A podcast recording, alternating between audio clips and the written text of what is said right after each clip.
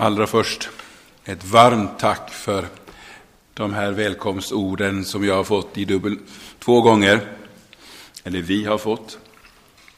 Det är oerhört stort att få vara här, vara här i Deltbergen och i gemenskap med FBB lokallaget.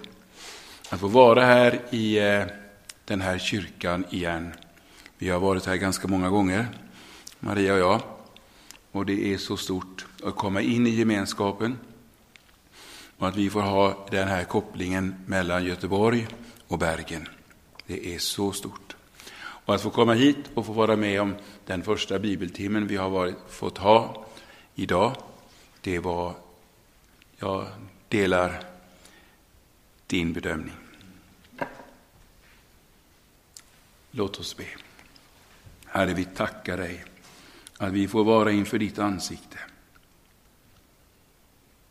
Du har kallat oss samman. Det är du som har gjort det. Nu ber vi dig att i detta allvarliga som nu möter oss, men som föder tro och lovsång. Jag ber dig att du utgjuter över oss din helige Ande, så att vi förstår ditt ord rätt. Kom, Herre Jesus. Amen.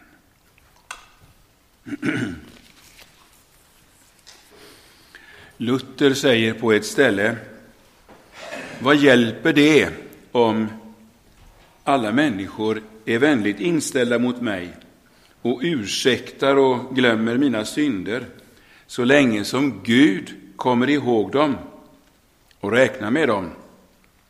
Å andra sidan, vad gör det om alla skapade varelser skuldbelägger mig för mina synder? Om Gud däremot förlåter och frikänner mig från dem. Här sätter Luther fingret på ett avgörande perspektiv på människans förhållande till Gud och den egna synden.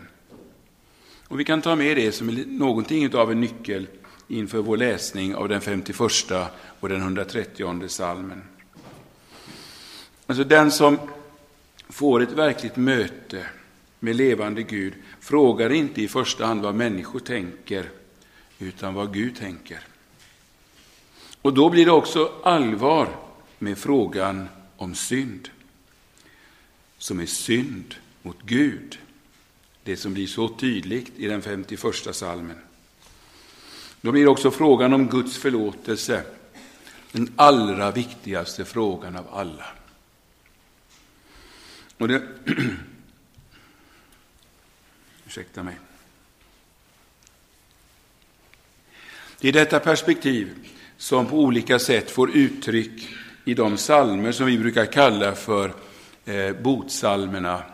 Och man brukar tala för det mesta om sju botsalmer, men det kan man ju diskutera. Det kan vara lite fler också. Eh, den sjätte, den trettionde, där också den 31 har en, sin också bestämda plats. Salmen 38, salmen 51, 100, 102, 130, 143. Låt mig bara läsa ett par rader först i, i, den, i den sjätte salmen, som är den första av botsalmerna. Ehm, jag kommer nu att läsa till en del i eh, den bibel som ni i vanliga fall använder. Jag hade inte tillgång till den när jag, när jag förberedde mig och jag har i mitt manus eh, citat ifrån, ifrån eh, Bibel 2011. För det var lättare att hitta på nätet och kunna plocka in, så ni får förlåta mig. Men här eh, i den sjätte salmen.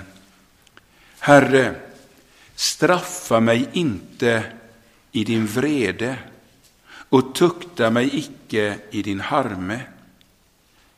Vär mig nådig, Herre, för jag vissner bort. Helbred mig, eller mig, Herre, för mina ben är förfärdet. Eh, så börjar den sjätte salmen som liksom sätter fingret på det allvaret Guds vrede och frågan om mig och min synd. Eh, I eh, i den 31 salmen som eh, går före den 32 som är mera känd. Eh, som börjar Herre, eh, jag kan läsa det här.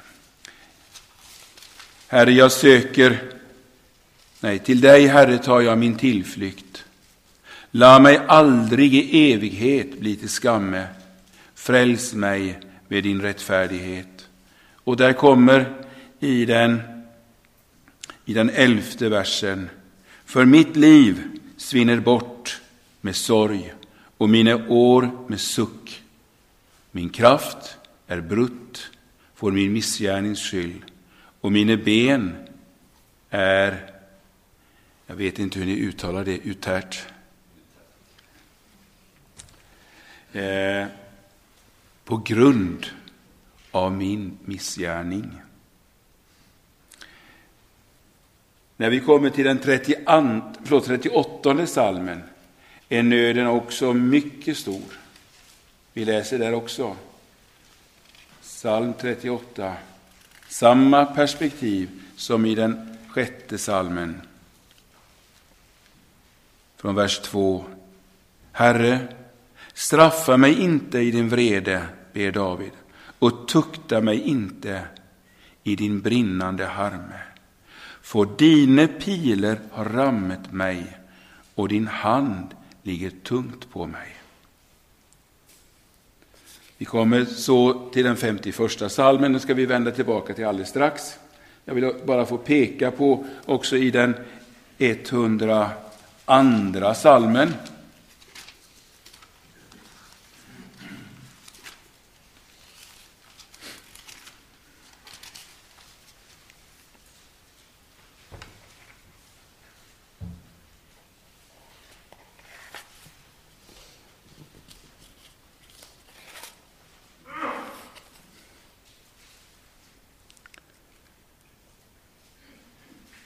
Herre, hör min bön och låt mitt rop nå fram till dig. Skul icke ditt åsyn för mig den dag jag är i nöd. Vänd ditt öra till mig. Skynda dig att svara mig den dag jag ropar. För mina dagar är svunnet bort som i rök, mina ben bränner som ild. Och så vidare. Kommer vi så till den salmen som, som Luther har, som vi sjöng, eh, den 130 salmen, så är det en mycket djup nöd som, då, som där kommer till uttryck. Vi vet inte vem som har skrivit den. Av det dype kallar jag på dig, Herre. Herre, hör min röst. Låt dina öron ge akt på mina innerliga böners röst. Där som du, Herre, vill jämme på missgärningar, Herre, vem kan då bli stående? Vi väntar med det hopp som kommer. Men det är en sak som är den brännande och brinnande frågan, och det är frågan om synden. Och Det är en synd som har med Gud att göra, och det är en synd som är frågan om att Guds vrede vilar över den nödställde. Eh, den 143 salmen skulle jag gärna ha ett bibelstudium över, men den sparar vi nu. men läs den gärna så fort som ni har tillfälle till det. 143. Det är så dyrbart. I alla dessa salmer har vi med människor att göra som står inför Gud i sin nöd och som är en syndanöd. Med bön som den helige Ande har lärt dem och som överlämnats till Guds folk att användas i alla tider. Men vi ska också lägga märke till att i alla dessa salmer som uttrycker upplevelsen av stor nöd, så slutar de alla i hopp och hoppfull, hoppfull glädje. Alla botsalmerna leder in till det som vi hörde om i förra bibeltimmen. I lovsång, i förtröstan. Vi ska få se exempel på det. Vi har nu vid flera tillfällen använt ordet botsalm. Eh, bot, vad är bot för någonting? Bot är ett gammalt ord. Jag tror att det är på samma sätt i norskan som i svenskan. För bot för omvändelse. Det kommer av att bota, att rätta till, bli bättre eller förbättra. Och i kristen förståelse handlar det om den sinnesändring som vi kan beskriva som ånger över synden och hjärtats förtröstan på Guds nåd. Och dessa botsalmer handlar om just detta, syndens allvar med hjärtats förskräckelse över det egna jaget. Å andra sidan om hjärtats glädje och jubel över Guds godhet, hans förlåtelse. Låt oss nu vända tillbaka till den välkända salmen 51, men jag tänker att den är, den är välbekant, åtminstone till, till delar. Kanske inte använder hela alltid. Salmen 51. Vi ska läsa den i ljuset av både den 130 salmen och den 32. Men vi läser den i sin helhet. Salmen 51. Ja, ni får ta mig för den jag är. Jag läser, försöker läsa på norska. Till sångmästaren en salme av David. Då profeten Natan var kommit till honom efter att han var gått in till Batseba. Vär mig nådig Gud i din misskunnhet Utslätt mina överträdelser efter din store barmhärtighet. Tvätt mig väl så jag blir fri för missgärning och rens mig från min synd. För mina överträdelser känner jag och min synd står alltid för mig. Mot dig alene har jag syndet. Det som är ont i dina ögon har jag gjort för att du ska vara rättfärdig när du talar, vara ren när du dömer. Se, jag är född i missgärning, och min mor har undfangit mig i synd. Se, du har lyst till sannhet i det innersta av hjärtat.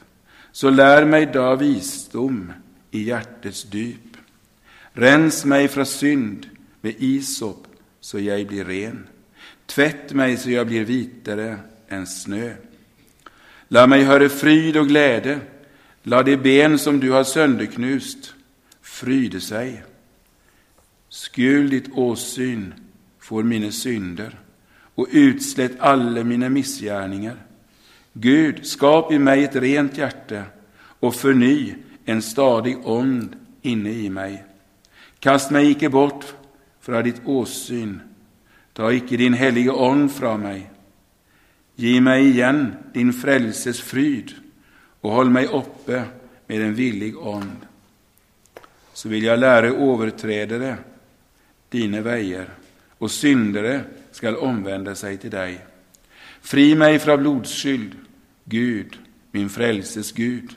Så ska min tunga jubla över din rättfärdighet. Herre, låt upp mina läppar, så skall min mun kungöra din pris. För du har icke lyst till slaktoffer, ellers ville jag, ville jag eh, ge dig det. I brännoffer har du icke behag. Offer för Gud är en sönderbrutt ond, ett sönderbrutet, sönderbrutt och sönderknust hjärte vill du, Gud, icke förakta. Gör väl emot Sion i din nåde, bygg Jerusalems murar. Då skall du ha behag i rättfärdighetsoffer, i brännoffer och heloffer. Du skall då, då skall de offra också på ditt allt.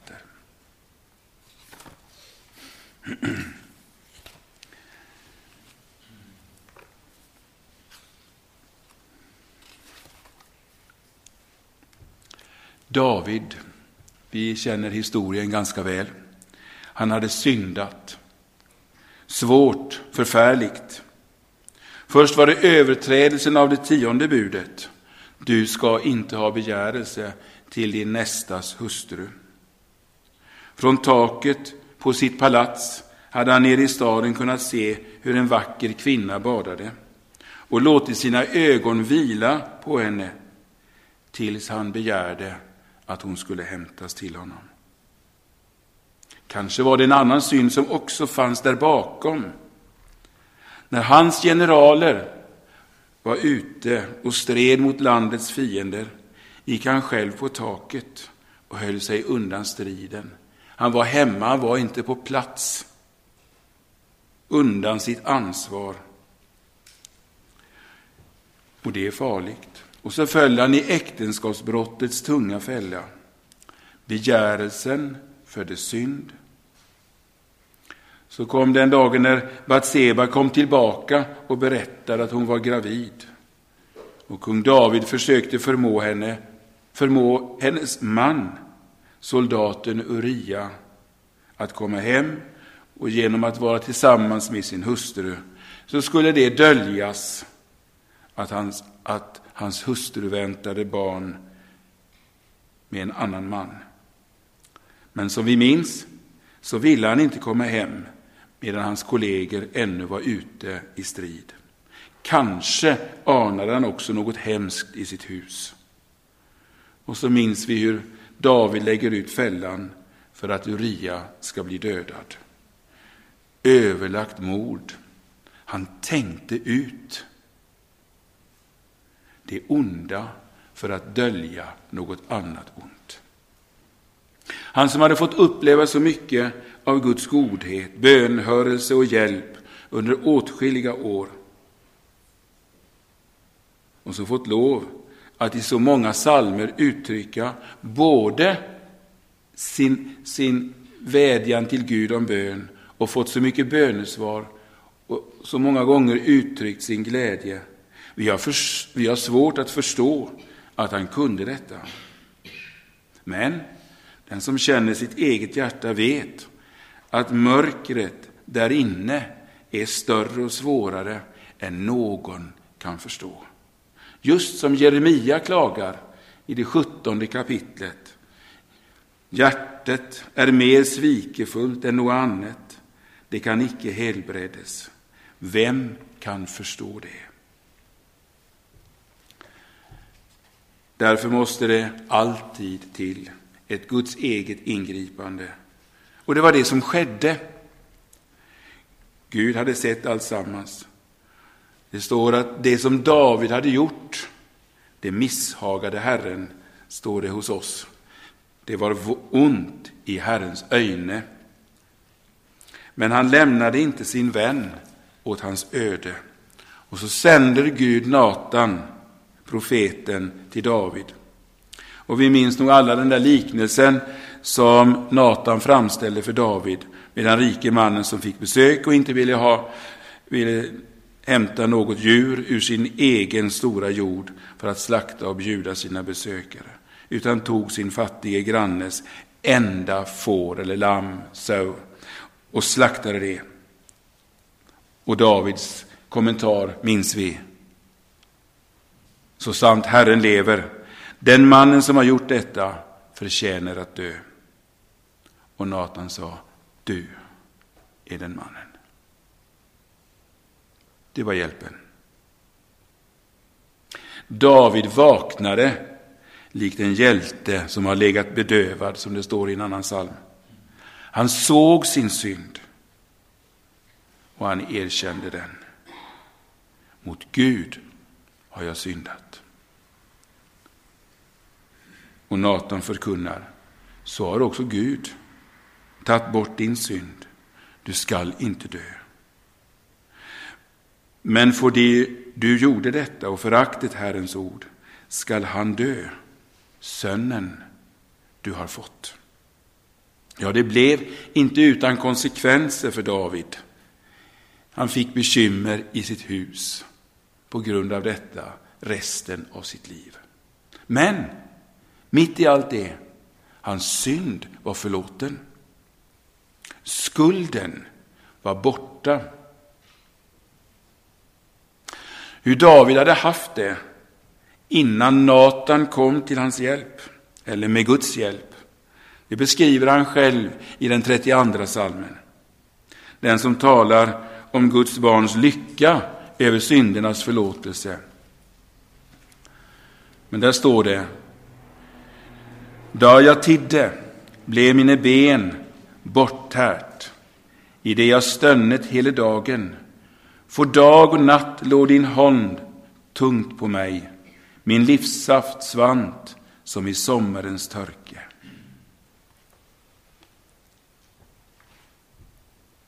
Och så kommer det. Jag bekänte min synd för dig och skulte icke min skyld. Jag sa, jag vill bekänna mina missgärningar för Herren, och du tog bort min syndeskyld. Detta är en erfarenhet som varje kämpande kristen väl är förtrogen med. Du föll i synd på ett eller annat sätt, eller på många sätt. Men ville till en början inte erkänna, inte gå med på det. Och så teg vi. Och du vet hur den inre brännande elden ligger där. Man försöker komma runt, komma undan. Och så hittar man fel hos andra och klagar, anklagar, beklagar och glädjen i hjärtat är borta. Om nu Herren har låtit dig vara, om han hade gjort det, om han hade låtit dig stanna kvar där, så att du hade fått ro i sinnet utan förlåtelse, ja, hur skulle det gått? Men han som har omsorg om sina barn, om David och alla andra upp genom åren, också till vårt årtusende. Han låter oss inte bli kvar. Du vet kanske den där gången när det kom en annan människa som sa ett ord som hjälpte dig att se och våga bekänna jag har syndat också i detta. Och Davids ord blir våra. Gud var mig nådig, 51 salmen, vers 3. Gud var mig nådig efter din godhet. Utplåna mina överträdelser efter din stora barmhärtighet. Tvätta mig ren från min skuld, rena mig från min synd, för jag känner mina överträdelser, och min synd är alltid inför dig, inför mig. Mot dig, just mot dig har jag syndat och gjort det som är ont i dina ögon. Därför har du rätt när du talar, du är ren när du dömer. Vad hände sedan där i Davids palats när Natan hade gått från en mycket för, förödmjukad, förkrossad David? Jag tänker så här, att han var förlåten och Guds ande hade återkommit till honom, denne Guds sångare. Och så när nu David i den helige ande begrundade vad som hade varit, så läggs en syndabekännelse i hans mun, en bön med ord som anden lär honom, en bekännelse som skulle vara till för alla folk, för Guds folk, ända tills Herren kommer i sin härlighet. Ta inte din heliga ande ifrån mig, säger han. Och Herren tog inte sin ande ifrån honom. David kunde på sin dödsbädd säga Herrens ond talar genom mig, hans ord är på min tunga. I den heliga Ande, som åter kunde flöda som källvatten genom Davids hjärta, ger han åt hela kyrkan denna innehållsrika bön och som har använts i årtusenden. David själv har säkert, säkert åter och åter betraktat och liksom, vad har jag gjort? Ni vet, synden som begicks år tillbaka kan komma tillbaka och blir verkliga åklagare. Det har säkert varit så för David, att det har kommit tillbaka. Han har plågats av minnet av sin synd. Och så har denna psalm vuxit fram. Och hans behov av att om och om igen få säga till Herren, rena mig från min synd, tvätta mig så jag blir vitare än snö. Och han vet att hans synd är primärt brott mot Herren, även om han i så hög grad hade gjort illa mot den unga kvinnan som tillhörde en annan, och hur illa han gjort mot en av sina soldater.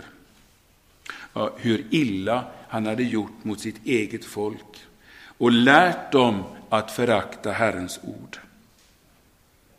Men han vet att det är mot Herren han har syndat. Jag har gjort det som är ont i hans ögon. Och så är det med den sanna boten. Då vet jag att det är mot Herren jag har syndat. Levande Gud. Det är hans, hans ord som jag har trampat på och överträtt. Det är hans vilja som mitt inre har varit oense med. Syndaren vet att hela hans inre är fullt av synd. Ja, att synden är något som ligger där i djupet av hans inre. Och säger med David, se i synd är jag född. Synden, själva det inre upproret mot Gud, ligger där i hjärtats djup, från mitt väsens tillblivelse. Och ju längre David ser på sin synd, desto fler ord på överträdelsen kommer över hans läppar. Låt oss nu samtidigt lägga märke till liksom det, den, det starka hopp som David ger uttryck för. Hur han tror att Gud både vill höra och göra och göra med honom. Han hoppas på Guds nåd, han vilar i Guds kärlek. Han hoppas att Guds barmhärtighet innefattar att han stryker ut hela hans missgärning. Han behöver göra det om och om igen för att få förnyat bli viss om att det är sant. Han väntar att han ska få bli ren från alla sina missgärningar och överträdelser. Och så ser han framför sig en renhet som är vitare än snö. Och i denna renhet väntar han på att han på nytt ska få lovprisa Herren. Och David vet att det är en människas lycka att få vara i ett sådant förhållande till Herren där lovsången kommer fram ur hjärtat. Han längtar efter detta och han väntar att han ska få denna frimodighet och glädje på nytt. Och jag tänker att det vet, detta vet varje troende kristen som kämpat med synden, som ångrat och sörjt, men som får höra orden om syndernas förlåtelse och kan börja tro att det är sant. Jag är ren, jag är fri. Och så börjar det påla en glädje där inne som vill ta sig uttryck i tack och lovsång. På det liknande sätt som David ger uttryck för i vers 14. Ge mig igen glädjen över din frälse. Håll mig uppe med en villig ond. Och så kommer det vad han vill göra. Jag vill lära lovbrytere dina väjer. syndare skall vände om till dig. Och så kommer det tillbaka. Fri mig Gud från blodskyld, du Gud som är min frälse. Så, vad då? Skall min tunga jubla över din rättfärdighet? Herre, luck upp mina läppar så min mun kan lovprisa dig. Och så kan vi säga att den sanna boten är vägen till glädje. Eller sagt på annat sätt, botens frukt och gåva är glädjen. Boten med dess ånger och smärta över synden är den jord där Guds ande kan lägga in ordet om syndernas förlåtelse. Och när jag får höra mina synder är förlåtna och tro att det är sant, då kan det börja bubbla av lycka, en glädje som handlar om hjärtats frid, frid med Gud. I cirka 3000 år har denna psalm varit en bön och en bekännelse som miljoner och åter miljoner människor, alla syndare, har bett. Och många av dem i alla fall, väldigt många, har bett den uppriktigt. Två mig så jag blir vitare än snö. Men så var där för 2000 år sedan en som bad denna psalm, en som var vitare än snö. När han första gången bad denna psalm och som sedan var det varje gång när han växte upp i Nasaret och kom till synagogan och bad och följde med och kom till Jerusalem. Den 51 salmen hörde med till salmer som liksom inte, på, inte lika fast som, som 145 och de andra, men den fanns där och man bad den. Och så har Herren Jesus bett bönen Gud var mig nådig i din godhet. Utplåna mina överträdelser. Jesus levde i salmerna eh, hela sitt liv på jorden. Och så bar han alltså också botsalmerna i den ordning som han bar dem i synagogan och i templet. Tillsammans med de andra bad han. Men det är väl inte möjligt? Hur går det ihop? Kunde han verkligen be så? På samma sätt som Johannes döparen protesterade när Jesus kom för att bli döpt, så känner vi hur vårt inre liksom protesterar. Vi behöver be så, stryk ut mina överträdelser i din stora barmhärtighet. Men inte han. Och ändå ber han så, i gemenskap med hela sin bedjande kyrka. Detta är en sida av saltarens innersta dyrbara verklighet. Han bad så. Därför att Fadern hade lagt hela skuldbördan på honom. Hela världens börda, också den börda som jag har när jag kommer och ber Gud var mig nådig. Man kan tänka sig att symboliskt blev den lagd på honom vid dopet i Jordan. Här är han som Johannes pekade sen dagen efter på och sa Se Guds lam som bär bort världens synd. Där gick han, syndaren, han som blev gjord till synd, säger Paulus. Helt utan synd, övertäckt med synd. Följer vi honom till Getsemane och hör hans ångestbön så kan nog orden som vi läste i inledningen vara relevanta. Herre, straffa mig inte i din vrede. Men så hör vi honom säga, ske inte min vilja utan din. Ja, det är han som säger, ja Herre, räfs mig i vrede, straff mig i din harme. Han visste varför han hade kommit, för att bära syndarnas tunga börda och gå in under Guds vrede. För att han skulle få säga, eller för att, att jag skulle få säga, Herre, räfs mig icke i din vrede, straff mig icke i din harme. Och så hör vi Jesus säga på korset, det är fullbordat, det är fullbrakt. Och då var all den synd som bekänts i årtusenden genom salmernas botsalmer borttvättad.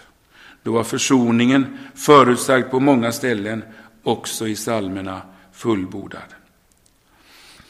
I slutet av salmen 130 så ber vi, eller läs, ber vi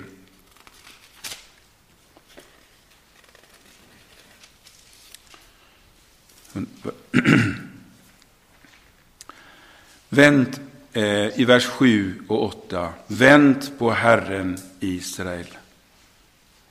För hos Herren är misskunnheten och full förlösning är hos ham. Han ska förlösa Israel från alla dess missgärningar. Lösa ut, friköpa, betala skulden, erlägga lösen. Det är det som gömmer sig i de orden där. Från alla deras synder. Och det var detta Kristus gjorde. Han betalade lösen. Det som salmen talar om. Han betalade allt vad lagen fordrade i en fullkomlig lydnad. Då han gick in under Guds vrede, som salmerna, flera salmer talar om. Guds vrede, Guds rättmätiga vrede över vår synd. Och så sammanfattar Paulus det i Galaterbrevet 3 med de orden Kristus friköpte oss från lagens förbannelse när han blev en förbannelse i vårt ställe. Medan vi stilla ber Psaltaren 51 om förlåtelsen för våra synder så får vi hjälp att se djupare in i hur mycket det är hos oss som ständigt behöver förlåtas. Men när jag är där så är jag liksom vid källan. Guds ande som talade genom David tar mig där vid handen fram till honom som har bett den här bönen i mitt ställe och i mitt ställe har burit Guds vrede. Den första av de 95 teserna som Luther spikade upp på porten till Slottskyrkan i Wittenberg lyder När vår Herre och Mästare Jesus Kristus sa gör bättring och så vidare ville han att en troendes hela liv skulle bestå av bättring. Bättring eller omvändelse, det är bot, ånger och tro. Och det är här som en kristen vandrar i ånger och tro, i daglig omvändelse och bot. Och i vår längtan efter att vara så som han vill, så ser vi åter och åter att det lyckas aldrig. Men så för han oss genom salmen till Sonens fullbordade verk. Han som före mig har bett alla salmerna. Och så ser jag det som är det stora som är en försmak av paradiset. Fri mig, Gud, från blodskyll. Du, Gud, som är min frälse, så skall min tunga juble över din rättfärd. Han förlåter allt som gör mina händer blodiga och som kränker mitt samvete. Och allt stryker han ut, om och om igen, han som är min frälsare. Och så ska min tunga jubla över hans rättfärd. Eller rättfärdighet säger vi på svenska. Och om och om igen så tonar liksom glädjen fram i den 51 salmen. Jublet väntar liksom på att få, få bryta fram. Det är jublet över Guds rättfärdighet. Guds rättfärdighet handlar liksom på två olika sätt. Eller är på, det är har två sidor. Det ena är Guds stränga, dömande, straffande rättfärdighet. Men det är också denna förunderliga, stora, stora gåva, Guds tillräknade rättfärdighet. Det är det som får oss att jubla. Han som bar våra synder kallas ju också för detta. Herren, vår rättfärdighet. Det är hans namn, enligt Jeremia 23. Jeremia 33. Hans namn skall vara Herren, vår rättfärdighet. Alltså att be botsalmerna, inte minst den 51 salmen, så fylld av löften om rening, om glädje och förlåtelse. Det är att på nytt liksom få ta på sig, eller få, få på sig den vita dräkten som vi hörde om i den förra bibeltimmen. Så sker det.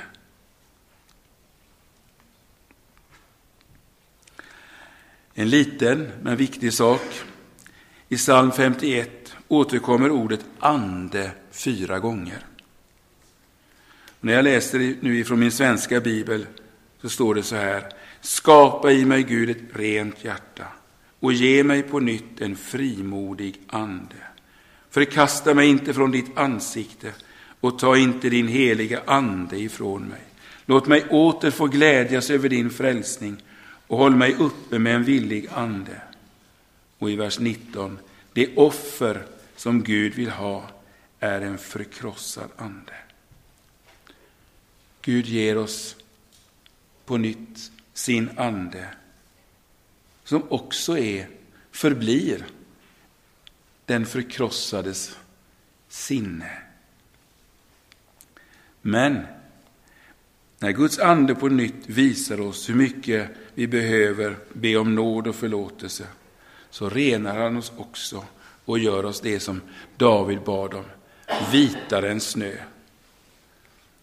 Vitare än snö. Här är vägen till förnyad visshet om syndernas förlåtelse, det som gör oss frimodiga, så att vi också nu kan se framåt. Det finns en sak som ligger framför oss allihopa, om inte Herren kommer dessförinnan. Och det är att vi ska dö. Eller hur? Vi ska det. Det kommer en dag där döden och graven, den grav som Guds barn läggs i, den graven är en hemlig underjordisk gång till det eviga livet. Och där ska vi möta den bedjande kyrkan, miljoner och åter miljoner som bad salmen 51 och som nu renade i Lammets blod, klädda i den vita dräkten, lovprisar honom som med oss bad samma bön under bördan av vår skuld. Han som var utan synd, men tog på sig vår och kastade den i havets djup.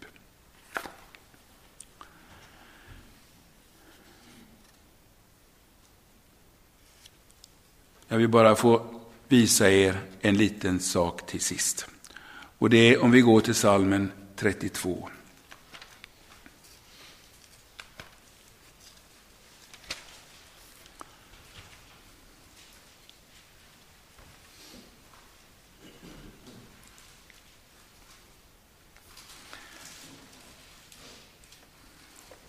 Där står det till sist. då ska vi komma ihåg att det är den David som har måste bekänna synd. Och så länge han teg så försmäktade hans ben vid hans ständiga klagan. Men Gud förlät honom när han bekände sin synd. Och så sammanfattar han hela detta med de orden i vers 11. Gläd dere i Herren, dere rättfärdige, fryd dere och juble alla uppriktiga av hjärtat. Det som David säger här är att ni som lever i syndernas förlåtelse, ni är de rättfärdiga. Och så kommer i den salmen 33, fortsätter liksom detta, det här perspektivet. Ropa, rop med fryd för Herren, dere rättfärdige. Lovsang sömmer sig för de uppriktiga. Pris Herren till sitar. Lovsyng ham till tidstränget harpe. Syng får ham en ny sang. Det hörde vi om i förra timmen. Den nya sången. Vägen till den nya sången är den här vägen som vi har beskrivit. Ära vare Fadern och Sonen och den helige Ande, så som det var av begynnelsen, nu är och skall vara, från evighet till evighet. Amen.